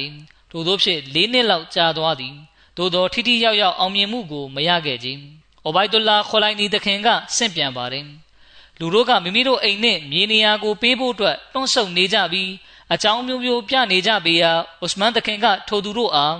အသင်တို့များစွာအကြောင်းပြကြပြီးဖြစ်သည်ဓမ္မတော်မြတ်ကမိသူမဆိုးအလာကြီးကျင့်နှံ့တတ်မှုကိုရရှိရန် ဗလီဝေချောင်းဆောက်လုပ်ပြီးဆိုလျင်အလရှမြတ်ကသူ့အတွက်ဆုလက်ပေးသောအဖြစ်ဂျနတ်တွင်အိမ်တဆောင်ကိုပြုလုပ်ပေးတော်မူလိမ့်မည်ဟုမိန့်ကြားကြောင်းကျွန်ုပ်ကြားဘူးသည်ဟုမိန့်ကြားလေသည်ဒီတိုင်းပဲမဟမုဒ်ဘင်လဘီဒ်ကဆင့်ပြန်ပါတယ်ဥစမန်တခင်ကမစဂျစ်နဘူီကိုအသစ်ပြန်တိဆောက်မည်ဟုကြေညာသောအခါလူများစုကယင်းကိုသဘောမတူကြဘဲတမန်ရဆလစလန်လက်ထက်ကရှိခဲ့သည့်မူလအတိုင်းသာထားရန်တိုက်တွန်းပြောဆိုကြသည်ထိုအခါဥစမန်တခင်က မိသူမဆိုအလရှမိတ်ကျင်းတဲ့တက်မှုကိုရရှိရန်ဗလီဆောက်လုပ်မည်ဆိုလျှင်အလရှမြတ်ကလည်းသူ့အတွက်အိမ်နန်းဆောင်ကိုဂျနတ်တွင် ပြုလုပ်ပေးတော်မူလိမ့်မည်ဟုပြောပြလေသည်ဥစမန်တခင်ကလူတို့အားနားချဖြောင်းဖြပြောဆိုရာတွင် အောင်မြင်မှုရရှိသွားသောအခါရဘီအူလ်အဝလဟီဂျရီတက္ကရာ29ခုနှစ်နိုဝင်ဘာလ646ခုနှစ်တွင်မြေပိုင်ရှင်များထံမှထိုမြေများကိုဝယ်ယူလိုက်သည်မစဂျစ်နဘူီကို အသစ်ပြန်တိဆောက်ရာတွင်ဆယ်လသာကြာခဲ့ပြီးဟီဂျရီတက္ကရာ30ခုနှစ်မုဟာရမ်လတရက်နေ့တွင်မစဂျစ်နဘူီဆောက်လုပ်ပြီးစီးသွားခဲ့သည်မစဂျစ်နဘူီပြုလုပ်စဉ်တစ်လျှောက်လုံးဥစမန်တခင်ကိုယ်တိုင်ကြီးကျက်ညွှန်ကြားမှုများပြုလုပ်ခဲ့ပြီးကိုရောစိတ်ပါနှိပ်၍ဆောင်ရွက်ခဲ့သည်တခင်ကအမြဲတမ်းနေဘက်များတွင်ဥပုသ်ဆောင်ပြီးညဘက်တွင်အဘာဒတ်ပြုသည် အကယ်၍ညဘက်တွင်အလွန်အိတ်ချင်လာလျင်မစဂျစ်နဘူီမှာပင်တပြေးတမောအိတ်ဆက်တတ်သည်အဗ်ဒူရဟ်မန်ဘင်ဆဖီနာတခင်ကဆင့်ပြန်ပါတယ်မစဂျစ်နဘူီစောက်လုပ်နေစဉ်အတွင်းစောက်လုပ်ရေးလုပ်ငန်းအားလုံးတွင် ကိုယ်တိုင်ကြီးကြပ်လှုပ်ဆောင်သည်ကိုတွေ့ရသည်လုပ်ငန်းလှုပ်ဆောင်နေသည့်လုပ်သားများနှင့်အတူအလုံများကိုတခင်ကကြီးကြပ်ဆောင်ရွက်သည်ထို့နောက်နမတ်တင်ကြပြီးဆိုရင်သူတို့နှင့်အတူနမတ်ဝိပြုသည်တခါတည်းရန်ထိုနေရာမှာပင်အိတ်ဆက်တတ်သည်ဥစမန်တခင်ကကေဘလာဥတီယာဘတ်သို့ ချဲ့ထွင်စေပြီးကေဘလာရှိရာနိုင်ရန်ကြီးကိုချဲ့ထွင်လိုက်ပါတယ်ကေဘလာဘတ်ကိုယနေ့တွေ့မြင်ရတဲ့နေရာအထိဥစမန်တခင်ကပဲချဲ့ထွင်ခြင်းဖြစ်ပါတယ်မစဂျစ်နဘူရဲ့မြောက်ဖက်အရက်ကိုတော့အတောင်90အရှည်15မီတာအထိချဲ့ထွင်လိုက်ပါတယ်မစဂျစ်နဘူရဲ့အနောက်ဖက်အရက်ကိုလည်းချဲ့ထွင်ခဲ့ပါတယ်တမန်တော်မြတ်နေထိုင်ရာအိမ်ခန်းရှိတဲ့မစဂျစ်နဘူရဲ့အရှိတ်ချမ်းကိုချဲ့ထွင်ခြင်းမပြုလုပ်ခဲ့ပါဘူး။ဥစမန်တခင်ရဲ့ခေတ်ကာလမှာ မစဂျစ်နဘူရဲ့တကားတွေက6ခုရှိပါတယ်။ပထမကြိမ်မွန်မှန်ကြိမ်ကမစဂျစ်နဘူ၌ကြောက်တုံးတွေပေါ်မှာကနုတ်တွေကိုရေးထွင်းခဲ့ခြင်းဖြစ်ပါတယ်။ပြီးတော့ထုံဖြူတုပ်ပြီးအယောင်လက်အောင်ပြုလုပ်ခဲ့ပါတယ်။ခါဂျာဘင်ဇိုက်တခင်ရဲ့ဆင့်ပြန်ချက်ရဥစမန်တခင်ကမစဂျစ်နဘူရဲ့အရှိတ်ဘက်နဲ့အနောက်ဘက်နိုင်ငံတွေမှာအလင်းရောင်ရဖို့အစီအစဉ်တွေကိုပြုလုပ်ခဲ့ကြောင်းသိရပါတယ်။မစဂျစ်နဘူီချက်ထွင်ဖို့အတွက်အိမ်တွေကိုယူရတဲ့တဲမှာဟဖ်ဆာတခင်မရဲ့အိမ်လဲပါဝင်ပါတယ်။ တခင်မအတွက်အိမ်ကိုကေဘလာရှိရာနိုင်ရန်ကြီးရဲ့အရှိတောင်ဘက်တောက်မှာအိမ်တစ်စောင်ပြန်ပြီးအစားပေးခဲ့ပါတယ်။တခင်မအိမ်တို့အဝင်အထွက်အသွားလာလုပ်နိုင်ဖို့လွယ်ကူတတ်တာစွာသွားလို့ရမယ်လမ်းတွေကိုလည်းဖောက်လုပ်ပေးခဲ့ပါတယ်။ဒါပြင်ဂျာဖာဘင်အဘူတာလစ်တခင်ရဲ့အမွေပိုင်းမြေနေရာကိုဒရဟမ်ငွေတသိန်းနဲ့ဝယ်ယူခဲ့ပြီးမစဂျစ်နဘူီထဲမှာရောပေါင်းခဲ့ပါတယ်။နောက်ပြီးဒါရုလ်အဘာစ်အဘာစ်တခင်ရဲ့အိမ်မြေနေရာတွေကတချို့မြေအစိပ်ပိုင်းတွေကိုဝယ်ယူပြီး မစဂျစ်နဘူီထဲမှာရောပေါင်းခဲ့ပါတယ်။ကေဘလာအရက်ကိုတောင်ဘက်အချမ်းတို့တိုင်းချဲ့ထွင်ခြင်းအပြင်မစဂျစ်နဘူီဆောက်လုပ်တဲ့အထဲမှာအထူးခြားဆုံးနဲ့အတိအတာအထင်ရှားဆုံးအချက်ကတော့မေဟရာဘင်နဘူီတမန်တော်မြတ်နမတ်ဦးဆောင်ဝတ်ပြုရာနေရာကိုဘယ်လောက်ချဲ့ထွင်ခဲ့သလဲဆိုရင်ကေဘလာဘတ်ကိုချဲ့ထွင်တဲ့အတိုင်းအတာနဲ့အညီချဲ့ထွင်ခဲ့ခြင်းဖြစ်ပါတယ်။ထိုနည်းတူမေဟရာဘေနဘူဝီကယနေ့တွင်မေဟရာဘေဥစမာနီရှိတဲ့အတိုင်းတာအထိဖြစ်ပါတယ် မြေကွက်လက်နေရာတွေမှာကြောက်တုံးအပိုင်းစလေးတွေနဲ့ခင်းပြီးအသုံးပြုစေပါတယ်ကြောက်နဲ့လှုပ်ထားတဲ့တိုင်လုံးကြီးတွေမှာမှန်သားအပိုင်းစလေးတွေကိုထည့်စေခဲ့ပါတယ်အဲ့ဒီတိုင်လုံးတွေကိုလည်းတမန်တော်မြတ်ဆလောစလန်လက်ထက်ကမစဂျစ်နဘူမှာထောက်တိုင်ဖြစ်တုံးထားတဲ့ဆွန်မလွန်ပင်စီတိုင်တွေမှာပဲအစားထိုးထည့်သွင်းထားတာဖြစ်ပါတယ်။ဆောက်လုပ်ထားတဲ့အတွင်ပြင်ကလည်းဂျေရုဆလင်မှာရှိတဲ့အမိုးခုံတွေကိုပါလက်စတိုင်းသားတွေတိဆောက်ထားတဲ့အသွင်တိုင်းတိဆောက်ထားခြင်းဖြစ်ပါတယ်။ မစဂျစ်နဘူရဲ့အမိုးကိုမှန်သားတွေနဲ့ပြုလုပ်ထားပါတယ်။အိုမာသခင်ကမေဟရာဘင်နဘူမှာနမတ်ဥဆောင်ဝတ်ပြုရင်းလောက်ကျန်ခံရတာဖြစ်တဲ့အတွက်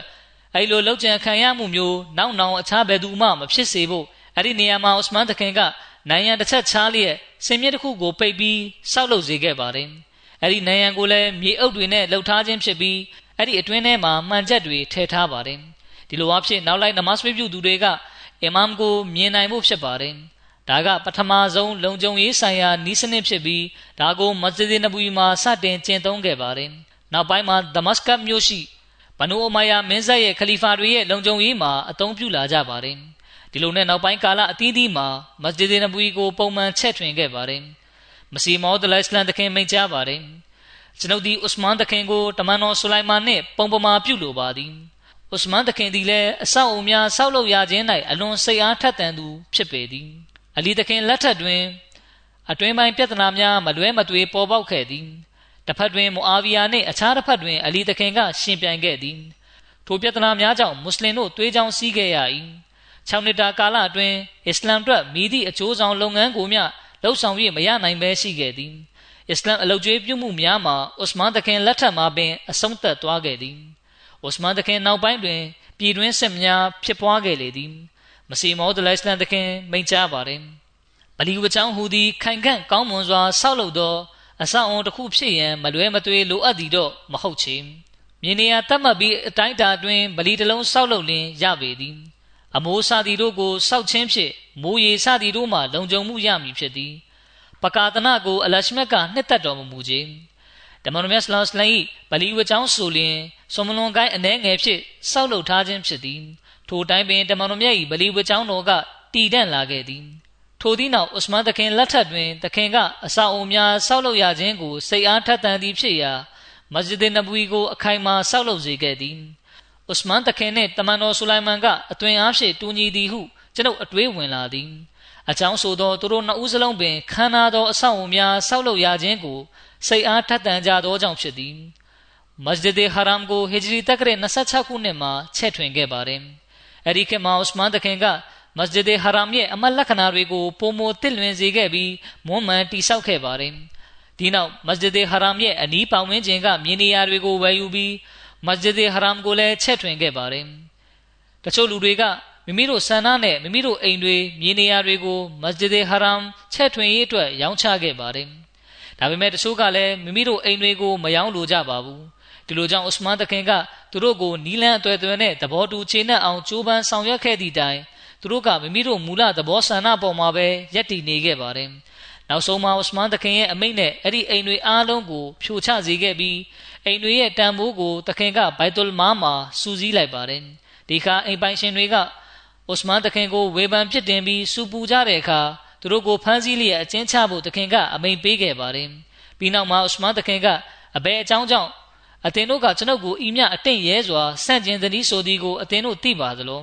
ဤသို့အတင့်ရဲရခြင်းမှာကျွန်ုပ်၏နူးညံ့တိမ်မွေးမှုကြောင့်ဖြစ်သည်ဥမာတခင်ကလည်းအသင်တို့ကိုထိုတိုင်းပင်ပြုလုပ်ခဲ့သည်သို့သောဥမာတခင်ကိုတော့အသင်တို့စူပူဆန္ဒပြခြင်းမရှိသေးဆိုပြီးမိန့်တော်မူပါတယ်ဒီနောက်မှာအဗ်ဒူလာဘင်ခါလစ်ဘင်အိုဆိုင်တခင်ကစူပူဆန္ဒပြသူတွေနဲ့ပတ်သက်ပြီးတင်ပြလျှောက်ထားတာကြောင့်ဥစမန်တခင်ကသူတို့ကိုအချင်းထောင်ကနေလွတ်ပေးလိုက်ပါတယ် ပထမဆုံးအစ္စလမ်ရေတပ်ကိုဟီဂျရီတက္ကရာ28ခုနှစ်မှာစတင်ဖွဲ့စည်းခဲ့ပါတယ်။အဲဒါကလည်းဥစမန်တခင်ရဲ့လက်ထက်မှာပေါ်ပေါက်လာခဲ့ခြင်းဖြစ်ပါတယ်။အမီရ်မူအာဗီယာဘင်အဘူဆိုဖီယန်က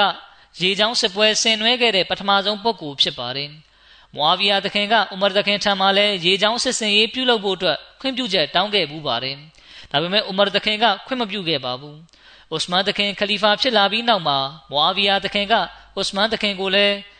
ရေချောင်းစစ်စင်ဖို့အချိန်ချင်းပြောပြပြီးခွင့်ပြုချက်တောင်းပါတယ်။နောက်ဆုံးမှာဥစမန်တခင်ကခွင့်ပြုချက်ပေးလိုက်ပါတယ်။ခွင့်ပြုချက်ပေးရင်းနဲ့တပြိုင်နက်ဥစမန်တခင်ကအမီရ်မွာဗီယာတခင်ကို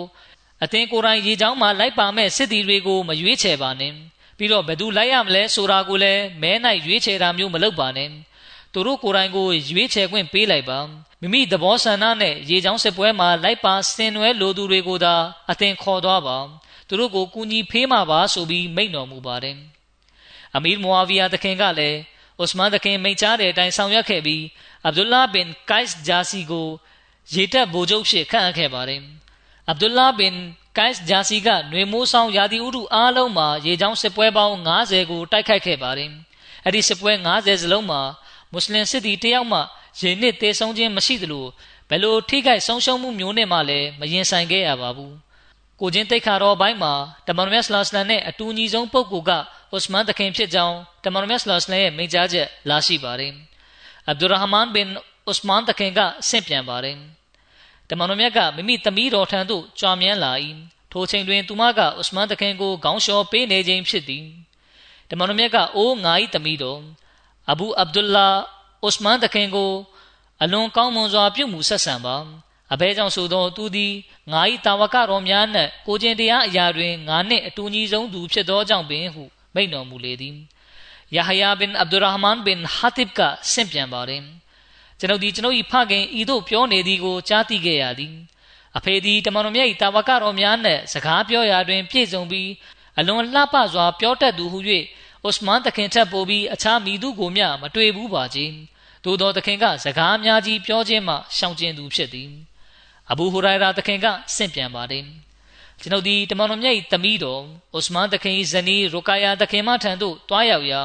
တခင်မ၏လက်ထဲတွင်ဘီးတစ်ချောင်းရှိနေသည်ကိုတွေ့ရသည်တခင်မကအခုပဲတမန်တော်မြတ်ကကျမထံလာပြီးပြန်သွားပြီကိုတော်မြတ်၏သပင်ကိုကျမကဖီးပေးလိုက်သည်တမန်တော်မြတ်ကကျမကိုအသင်မသည်ဥစမန်ကိုဘယ်လိုမြင်တယ်လဲဟုမေးရာကျမကအလွန်ကောင်းမွန်သောခင်မွန်းဖြစ်မြင်ပါသည်ဟုပြန်ဖြေထိုအခါကိုတော်မြတ်က တို့ဖြစ်လျင်အသင်မကလည်းသူ့ကိုအလွန်ကောင်းမွန်စွာ ပြုမှုဆက်ဆံပါအကြောင်းမူသူသည်ငါကိုယ်တော်၏တာဝကတော်များနှင့်ကိုကျင်တရားအရာတွင်ငါကိုယ်တော်နှင့်အလွန်နီးနီးဆက်ဆက်တူညီသောကြောင့်ဖြစ်သည်ဟုမိန့်တော်မူသည်ဟု၍ပြောပြလေသည်ဒီနေရာမှာတမန်တော်မြတ်ဆလာစလန်ရဲ့သမီးတော်ကရိုကာယာတခင်မဒီနေရာမှာတမန်တော်ဆလ္လာလဟ်အလိုင်းသမီးတော်ကရိုကာယာတခင်မမဟုတ်ပဲအူမေကုလ်ဆွန်တခင်မဖြစ်ဖို့များပါတယ်။ ဘာကြောင့်လဲဆိုတော့ရိုကာယာတခင်မကဘဒရ်စပွဲပြီးလင်ပြီးချင်းမှာကွယ်လွန်သွားခဲ့ပြီးအဘူဟူရိုင်ရာတခင်ကဘဒရ်စပွဲပြီးနောက်9နှစ်ကြာမှသာမွတ်စလင်ဖြစ်လျက်မဒီနာသို့ရောက်ရှိလာခဲ့တာကြောင့်ပါပဲ။အူမေကုလ်ဆွန်တခင်မကတော့ဟီဂျရီတက္ကရာ9ခုနှစ်မှာကွယ်လွန်သွားခဲ့ခြင်းဖြစ်တာကြောင့်အဲ့ဒါကအူမေကုလ်ဆွန်ပဲဖြစ်နိုင်ပါတယ်။ရိုကာယာတခင်မမဖြစ်နိုင်ပါဘူး။ဥစမန်တခင်ရဲ့အကြောင်းတင်ပြမှုကိုဒီနေရာမှာပဲအဆုံးသတ်လိုက်ပါတယ်။ယခုကျွန်တော်အနေနဲ့ဂျနာဇာဂိုင် ဇာပနဆူတောင်းဝတ်ပြုမှာဖြစ်တာကြောင့်ကွယ်လွန်သူတွေရဲ့အကြောင်းကိုလည်းတင်ပြလိုပါတယ်။ကွယ်လွန်သူပထမပုဂ္ဂိုလ်ကတော့အာဟမတ်ဘက်ဆာဟစ်ရဲ့တားတော်မောင်မူဘရှာအာဟမတ်ရင်ဆာဟစ်ဖြစ်ပါတယ်။သူကရဘွာမျိုးရှိဝက်ဖေဂျဒီဌာနမှာမူအာလင်ဖြစ်တာဝန်ထမ်းဆောင်နေသူဖြစ်ပါတယ်။မတ်လာ10ရက်နေ့2021ခုနှစ်မှာကွယ်လွန်ခဲ့ပါတယ်။အင်နာလ illah ဝအင်နာအီလိုင်ဟီရာဂျီအွန်သူကဒေရာခါစီခန်ရှိရင်ဒါချေးရွာမှာဖြစ်ပါတယ်။ သူက1990ခုနှစ်မှာစတင်ပြီးဝက်ဖေဂျဒီဌာနရဲ့မွာလင်တဦးဖြစ်တာဝန်ထမ်းဆောင်ခဲ့ပြီးအခမ်းကဏ္ဍအသီးသီးမှာလည်းတာဝန်ထမ်းဆောင်ခဲ့ပါတယ်။သူကိုဂျမတ်ကလိုအပ်လို့ဘဲချိန်မဆိုခေါ်တယ်ဆိုရင်သူဟာချက်ချင်းတာဝန်ထမ်းဆောင်ဖို့ရောက်ရှိလာတတ်ပြီးဘယ်တော့မှစောရကမတက်ဘူးပါဘူး။သူဟာအလွန်အလုတ်စူးစမ်းသူဖြစ်ကြောင်းကျင်နာတနာတတ်သူဖြစ်ကြောင်းနှိမ့်ချကျုံးနွန်တတ်သူဖြစ်ကြောင်းလူတိုင်းကကျွန်တော်ထံစာရေးပြောပြကြပါတယ်။ သူဟာဂျမတ်နဲ့ပတ်သက်ပြီးဘယ်လိုဆန့်ကျင်ဘက်စကားကိုမဆိုတီးမခံတတ်သူဖြစ်ပါတယ်။သူမှာဇနီးတဦးတားနှစ်ဦးနဲ့တမီးသုံးဦးကြံရစ်ခဲ့ပါတယ်။အလရှမြတ်ဒီသူ့အားတနာခွင့်လွှတ်တော်မူပါစေ။သူ့ရဲ့နာဝင်ခြင်းပိုင်းဆိုင်ရာအစဉ်တန်းကိုလည်းမြင့်တင်ပေးတော်မူပါစေ။သူ့ရဲ့သားသမီးတွေကိုလည်းသူပြုခဲ့တဲ့ကောင်းမှုတွေအတိုင်းထမ်းဆောင်နိုင်ဖို့စွမ်းအားပေးသနာတော်မူပါစေ။အာမင်။ကွယ်လွန်သူဒုတိယပုဂ္ဂိုလ်ကတော့မူနီရ်အာမတ်ဖာရုခ်ဆာဟစ်ဖြစ်ပါတယ်။ သူကအစ္စလာမာဘတ်ရဲ့ရှေးဦးအမီးတဦးဖြစ်ပါတယ်။သူကကနေဒါနိုင်ငံမှာအသက်84နှစ်အရွယ်မတ်လ9ရက်နေ့2021ခုနှစ်မှာကြာရှည်နာမကျန်းဖြစ်ပြီးကွယ်လွန်ခဲ့ပါတယ်။အင်နာလ illah ဝအင်နာအီလိုင်ဟီရာဂျီအွန်သူ့အဖိုးကမစီမောဒလစ်လန်တခင်ရဲ့တာဝကတော်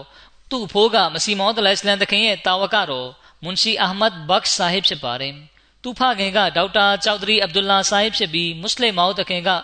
လူငယ်တွေအနေနဲ့သိပ္ပံပညာမှာထူးချွန်အောင်လုပ်ရမယ်ဆိုပြီးနှိုးဆော်တိုက်တွန်းပြီးနောက်မှာသူက work phase ဇင်ဒဂီပြုလုပ်ခဲ့ပါတယ်။မူနီရာမတ်ဆပ်က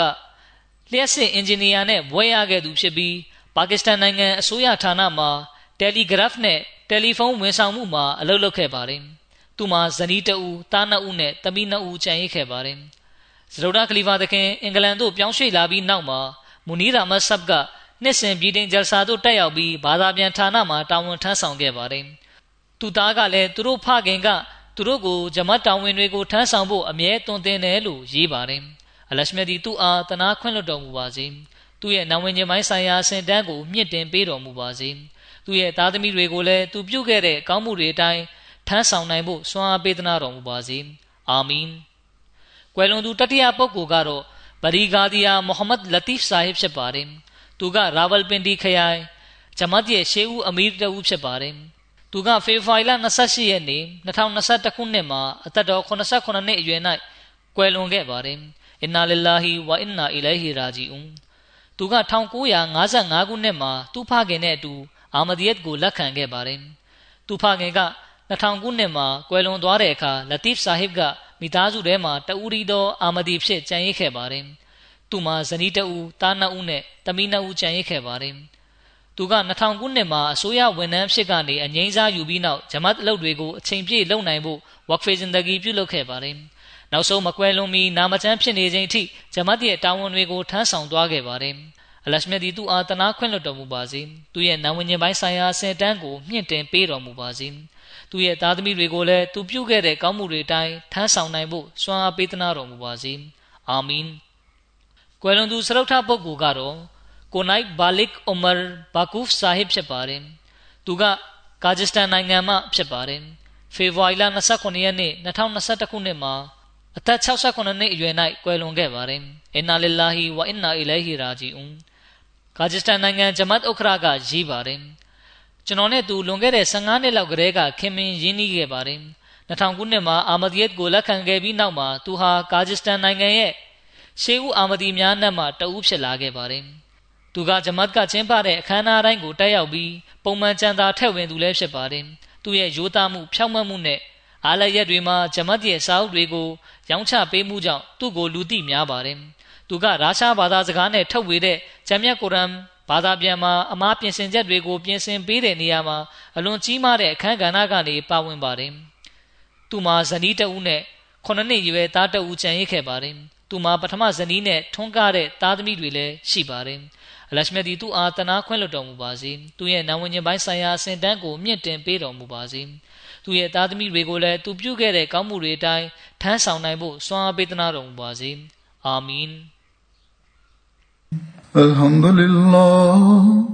الحمد لله نحمده ونستعينه ونستغفره ونؤمن به ونتوكل عليه. ونعوذ بالله من شرور أنفسنا ومن سيئات أعمالنا. من يهده الله فلا مضل له ومن يضلله فلا هادي له. ونشهد أن لا إله إلا الله. ونشهد أن محمدا عبده ورسوله. عباد الله رحمكم الله. إن الله يأمر بالعدل واللسان وإيتاء ذي القربى وينهى عن الفحشاء والمنكر والبغي يعظكم لعلكم تذكرون. اذكروا الله يذكركم وذوه يستجب لكم ولذكر الله أكبر.